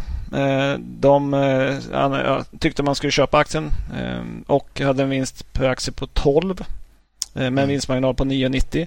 9,9. Vi ligger lite under där. Vi tror på en vinst per aktie på 11,60. Det ger P 12,5. Så det är ju mm. en låg, margin, låg värdering jämfört med de mm. senaste åren och ja, ja. under snittet. Och, och nästan nere på det här P de hade för tio år sedan. Mm. Eh, de som inte gillar aktien idag måste ju vara väldigt rädda för att det kommer en kraftig inbromsning här. Mm. Eh, det, jag kan inte tänka mig något annat skäl för och, och att vinsterna är lite boostade nu då. Eh, men, men som sagt, ja, nej, börjar ju se billigt ut, helt klart alltså. Ja, och det är lite grejen. Aktien steg upp på rapporten som vi sa. Eh, fin mm. mottagande. Men har fallit tillbaka lite grann sedan dess. Eh, tror man på ledningens prognoser så ser det väldigt köpvärt ut. Ja. Eh, vi har ju inte riktigt vågat tro på så starka siffror. Men eh, vi, även på det som vi har lagt in hos oss så tycker vi det ser billigt ut. Så vi har faktiskt köpt lite aktier i Not här. Då. Ja, vi har köpt aktier. Mm. Det var inte igår. Nej, det var väldigt länge sedan.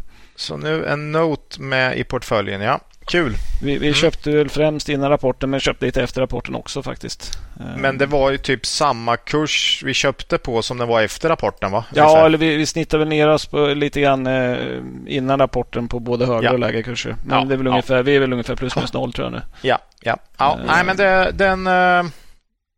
Ja, vi hoppas att de levererar nästa år med. Ja. Mm. Vilket, vilket de tror på. då. Det är ganska lång tid att göra en prognos på. jo, så är det ju. Och, och... Eh, 2024 är fem kvartal bort innan det är slut. Eh, men eh, Note har ett jäkla bra driv. Det har de. Mm. Så vi, vi får hoppas att det fortsätter. Det är ju, vi kan säga det är inte ett av våra största innehav än så länge. Eh, vi får Nej. se om vi får mer konfidens att öka så, så ja. småningom så att säga. Men, mm. Och största risken ligger i att de här prognoserna från ledningen är alldeles för optimistiska. Eh, mm. Men, men, det blir Fördel, väldigt, fördelen ja. som sagt är ju att värderingen nu är så låg så att du inte behöver öka vinsten lika mycket som du behövde på P25 då. Exakt så.